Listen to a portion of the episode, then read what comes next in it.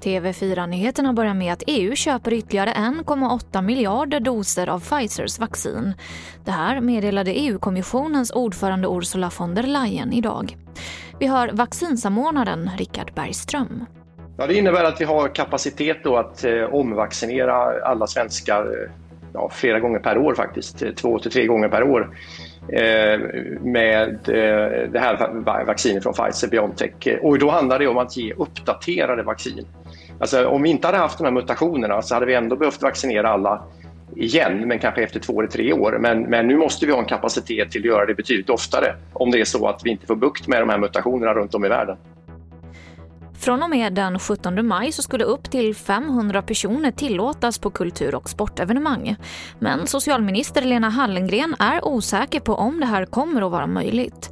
Sverige har nu den näst högsta smittspridningen av alla EU-länder enligt Johns Hopkins universitetet i USA. Och pandemin har skapat ett rekordstort intresse bland hobbyodlare att starta sina egna potatisland, det här rapporterar SR om.